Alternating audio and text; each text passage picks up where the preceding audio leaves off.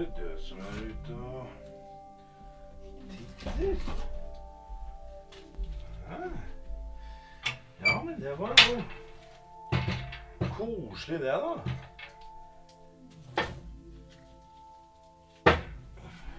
Syns jeg. Da er det skjønner, jeg bare driver og legger i litt ved i ovnen her, vet du. Så må jeg ta litt ved inni her.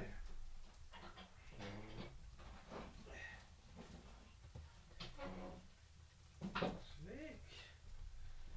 Kanskje jeg tar en lita lita krabbe til i ovnen, gitt.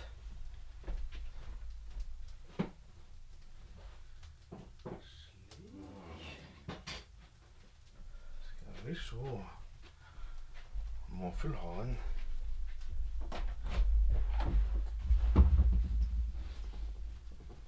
liten en nå.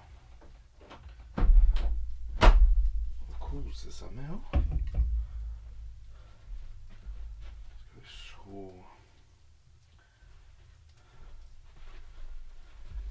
Her er det noen fyrstikker. Nei, her står det en dunk òg. Ja.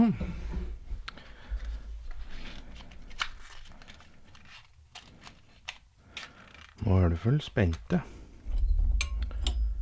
Jeg kan ikke skjønne annen grunn til at dere har kommet hit.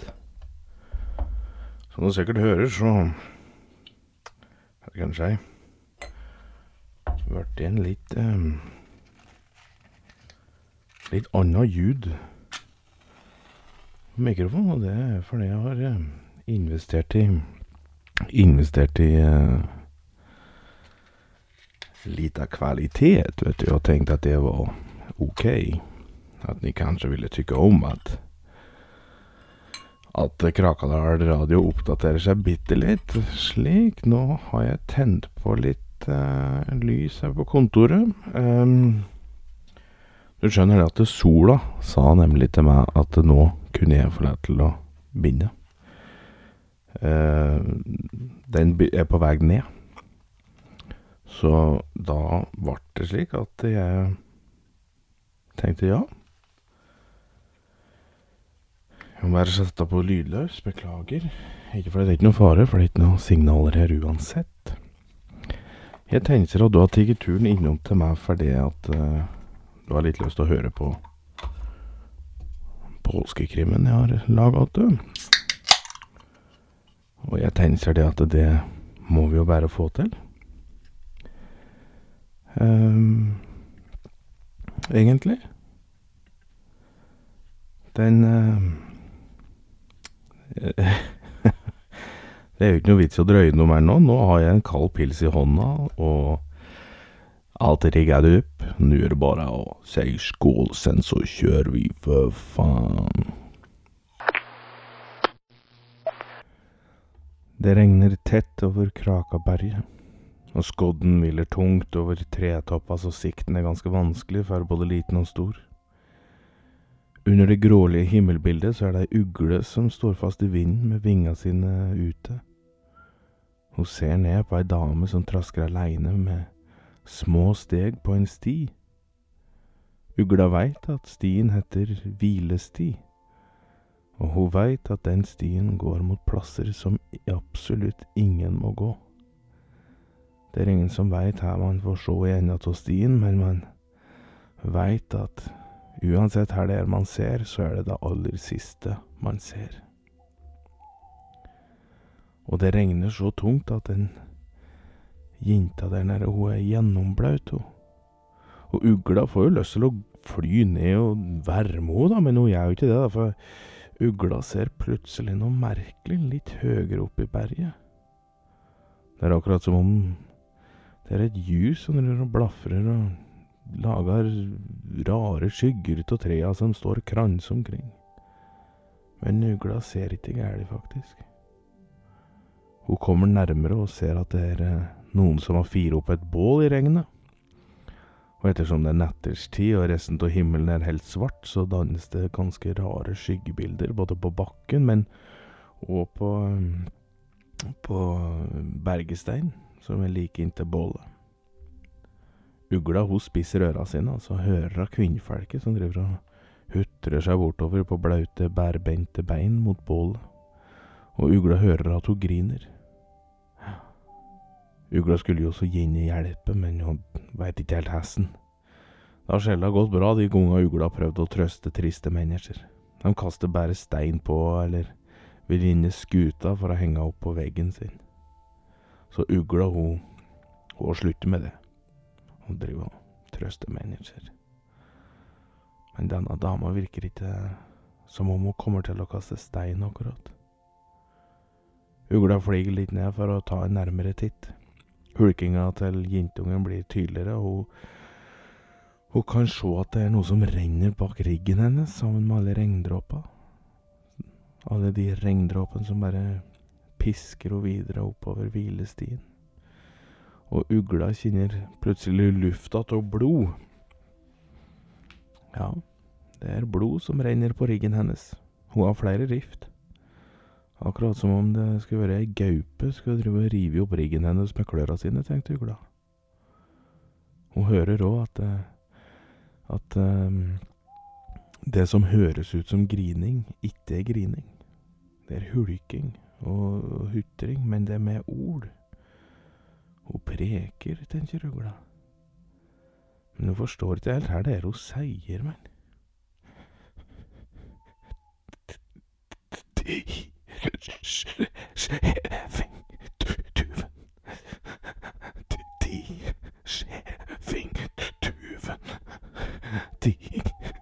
Skjevingtuven.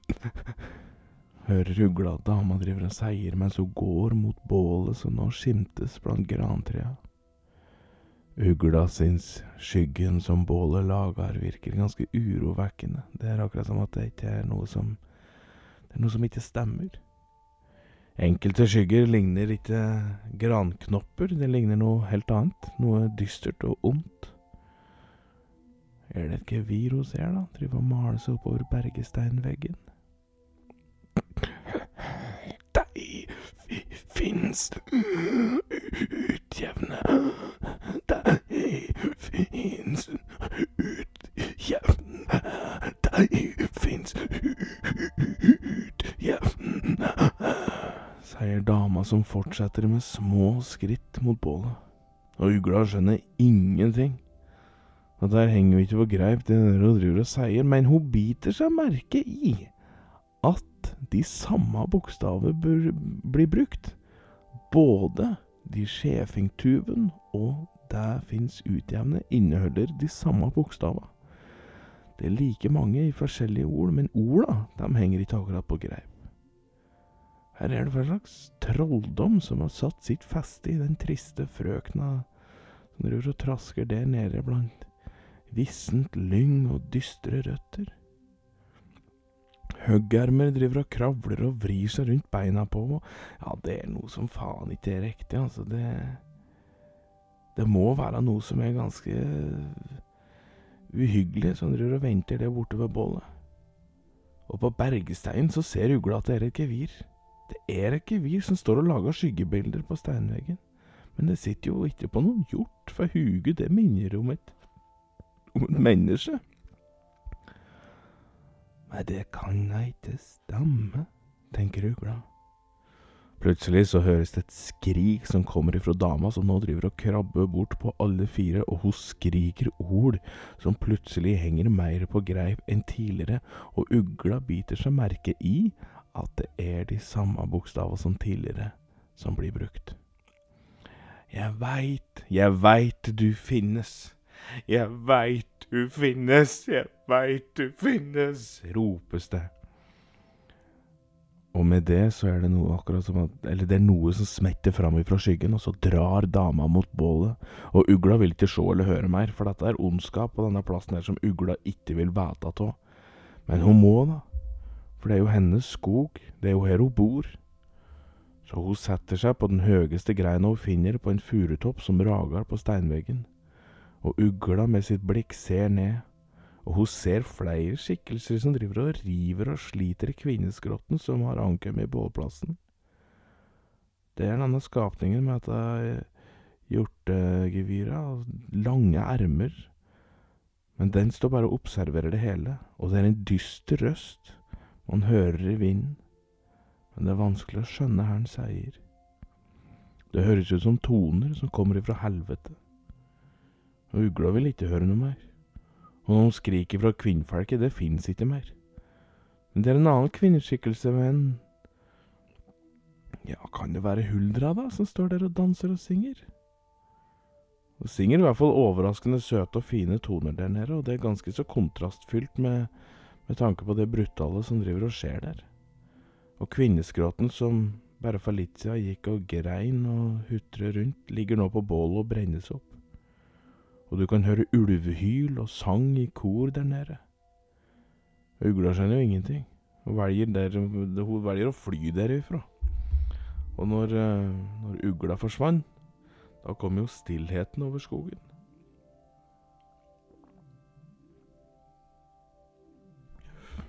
Det var jo en tidlig morgen. Og Baker Hansen han traska oppover hvilestien med nevekerja si, som var mett i Altså, den var fullt av brød. Han skulle opp til Agnete Husøy, vet du, som hadde bestilt brød til frokostlaget hun skulle ha. Og han traska oppover da, mens sola glimrer, glimret bitte litt, da. Men det var jo tidlig. Det var tidlig. Ja, det var, det var godt med sol, tenkte Baker Hansen. Særlig etter dette helvetes regnværet, vet du, som hadde nesten laga flom i Krakadalen. Men det var en duft i lufta som ikke akkurat lufter blaut mark. Det var en slags eh, Ja, det var akkurat noe som var brent, da. Altså bål. Nei, nei, nei, det, det lukter mat. Stekt kjøtt, vet du. Ja, det var ikke her, tenkte baker Hansen. Ja, er det noen som driver og steker flesk på denne tida, da? Ja, ja. Ja, kanskje er det noen skogsarbeidere eller friluftsentusiaster som har laget seg frokost. Fleskelufta den ble kraftigere og kraftigere, og så brått så sto jo baker Hansen overfor ei digert bål som var i ferd med å slekne. Og øh, blant aske og brent ved så lå det en diger kjøttkladd. Men her i ville helvete, tenkte baker Hansen. Er dette en helsvidd gris, jeg tror? Det må da bli en druk start for magen om de skal drive og ete hele denne i løpet av morgenen. Han satte seg på huk og pirket på denne kjøttkladden. Å, men det luftet. Å, det lukter godt. Å, herregud. Å Han Baker Hansen han så seg rundt, men han så ingen. Hmm. Men uh, en lita smak kan for ikke akkurat skade. Jeg tror disse Jeg tror disse folka blir mette lell etter så mye kjøtt som det på den der. Det må, det må være en slank gris, da, ettersom beina er så lange på den. Han så lenge på den helsvidde skrotten som var svart som kæl der han lå. Det kunne jo være noen av Kjell Clemet Annalbeins kreasjoner, dette der, fra Hugu, det virker jo så lite. Men ja ja, tenkte han. Er det én ting han har lært seg opp igjennom, så er det at han skal ikke dømme maten ut ifra utseendet. Og det luftet ålreit nok, så han tok da fram kniven og skar av en liten del som stakk ut ur det ene beinet. Minner mer om en finger enn ei kloe, tenkte Baker Hansen for seg sjæl, og, og tok, eh, tok, en, eh, tok det som faktisk var en finger i munnen. Men det visste jo ikke han, da, med å knaske i vei vet du, på denne fingeren. Å, å, dæv... Mm, Dæven skjæra, det òg. Dette var magert, gitt, sa han til seg sjæl. Men plutselig så var det noe hardt og rart da, som drev og rotet seg rundt i kjeften på han. Han tok det ut, og så så han på det. Er det en Er dette en negl, tenkte han. Jakku faen var det en negl. Ja, Baker Hansen han fikk store øyne og begynte å skrike for seg sjæl. Han spann borti brødkerja og så alt brød spredde seg utover den blaute bakken. Å, fy faen, det er en negl! Det er felk som ligger her og grilles, det er folk! Å, fy faen, jeg spyr! Å, fy faen, jeg spyr! Og Baker Hansen han fant seg en stein som han spydde bak, og han var svett, og han var redd. Og han måtte få tak i lensmannen. Dette her, dette var ikke bra. Agnete hun fikk bare vente. Det var så langt å gå til hun uansett, så, så om hun ikke lenger ville handle brød hos han, så spilte det faen ingen rolle, tenkte han. Da slipper de i hvert fall denne helvetes gåturen noe mer. Og etter ei lita stund så kom det en kjent skikkelse traskende oppover, mens baker Hansen han satt på en stubbe. Med Ja, han var for litt nervøs. Og denne skikkelsen som drev og vandret fram og tilbake med svette never, han lufter svett og sur alkohol. Det var en type jeg tenkte bakeri Hansen.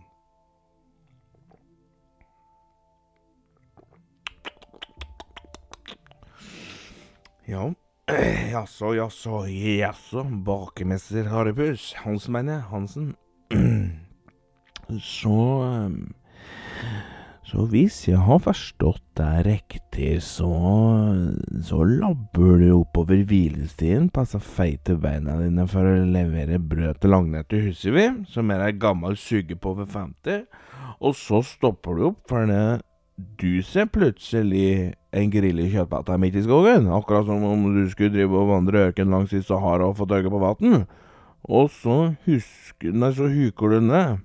Så huker du ned sånne feite magen din dekker skrevet ditt fullstendig og subber i bakka, men du tar de feite fingrene dine og så tafser litt på denne kjøttklassa, slik at varefolk driver og tafser på kjønnsorganer. Og så tar du Så tar du en kjøttbata i munnen, og så smatter det kjøtt. Ikke sant? Og du kjenner kjøttfettet surkle mellom tennene dine og tunga di. Altså, tunga di den kjenner smaken av kjøttet, og så kjenner du plutselig negl. Og hvis en har skjønt det riktig, baker Hansun, så har du aldri smaka negl før.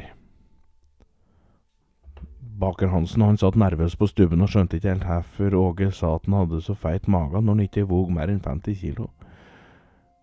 Men kanskje Åge visste at han hadde en drøm om at han en dag skulle bli tjukkere? Eller her var det egentlig han lensmannen drev og poengterte? Nei, han fikk i hvert fall svare på spørsmålet hans uansett, tenkte han.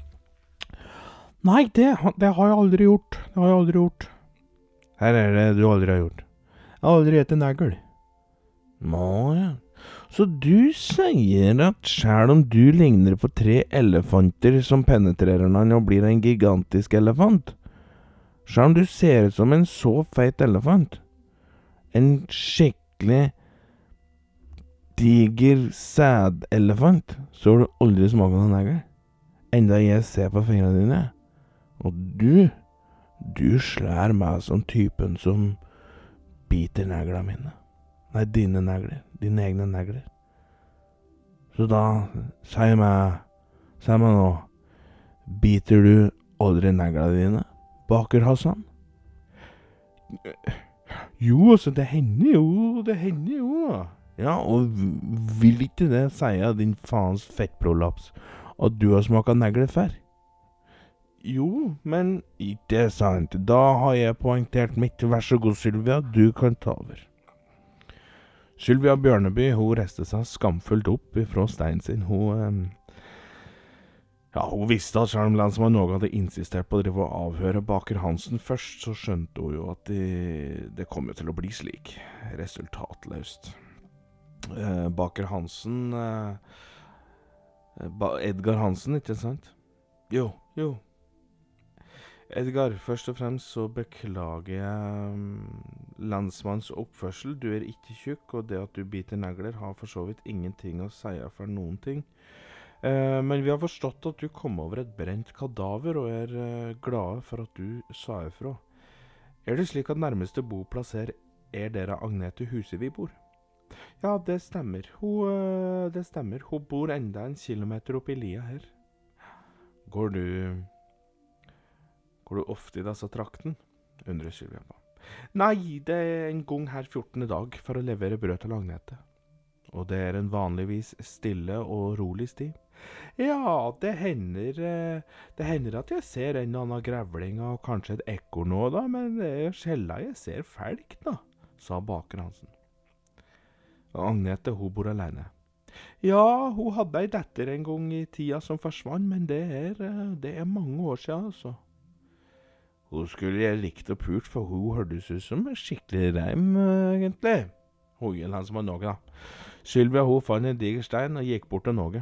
Sylvia, Sylvia, unnskyld, det skulle ikke sagt, men du kjenner meg, vet du, noen ganger så detter ting bare ut. Ting som jeg egentlig bare skulle stengt inne i knullerommet som jeg har i kjelleren til hjernen min, ikke sant, unnskyld. Sylvia hørte egentlig ikke etter, kastet stein hardt i kneet til Åge, så han datt om, og så begynte han å grine der han lå, og så holdt han seg på kneet. Å, fy faen, Sylvia! fy faen! De stygge møkkafitte! Fy faen, jeg håper ræva di revner deg! Fy faen! Sylvia hørte fortsatt ikke etter og satte seg ned ved baker Hansen igjen. Veit du hesten hun forsvant? Ryktet sier at noen trodde at hun var ei heks, og så brant hun på et bål. Uh, andre sa at hun fant kjærligheten og rømte til Kabura i Jemen, mens, mens vennene hennes sa at hun var stengt inne i uthuset der de bodde. Altså der Agnete bor nå? Ja, det er familiehuset. Er det en uh, mann som er involvert? undrer Sylvia på. Nei, han som var far til dattera, han var en fyrstikkarbeider, veit jeg. Um, um, og det var noe med Er det Alf Albert eller et eller annet? Han var jo bror til han villskinngubben, han. Uh, men det er det eneste jeg veit, uh, egentlig.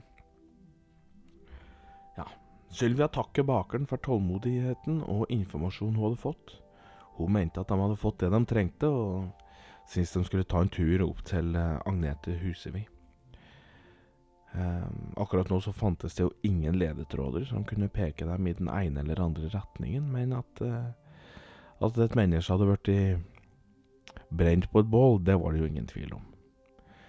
Men det var jo så brent at det var umulig å si om uh, det var en kær eller kvinnfolk som lå der brent.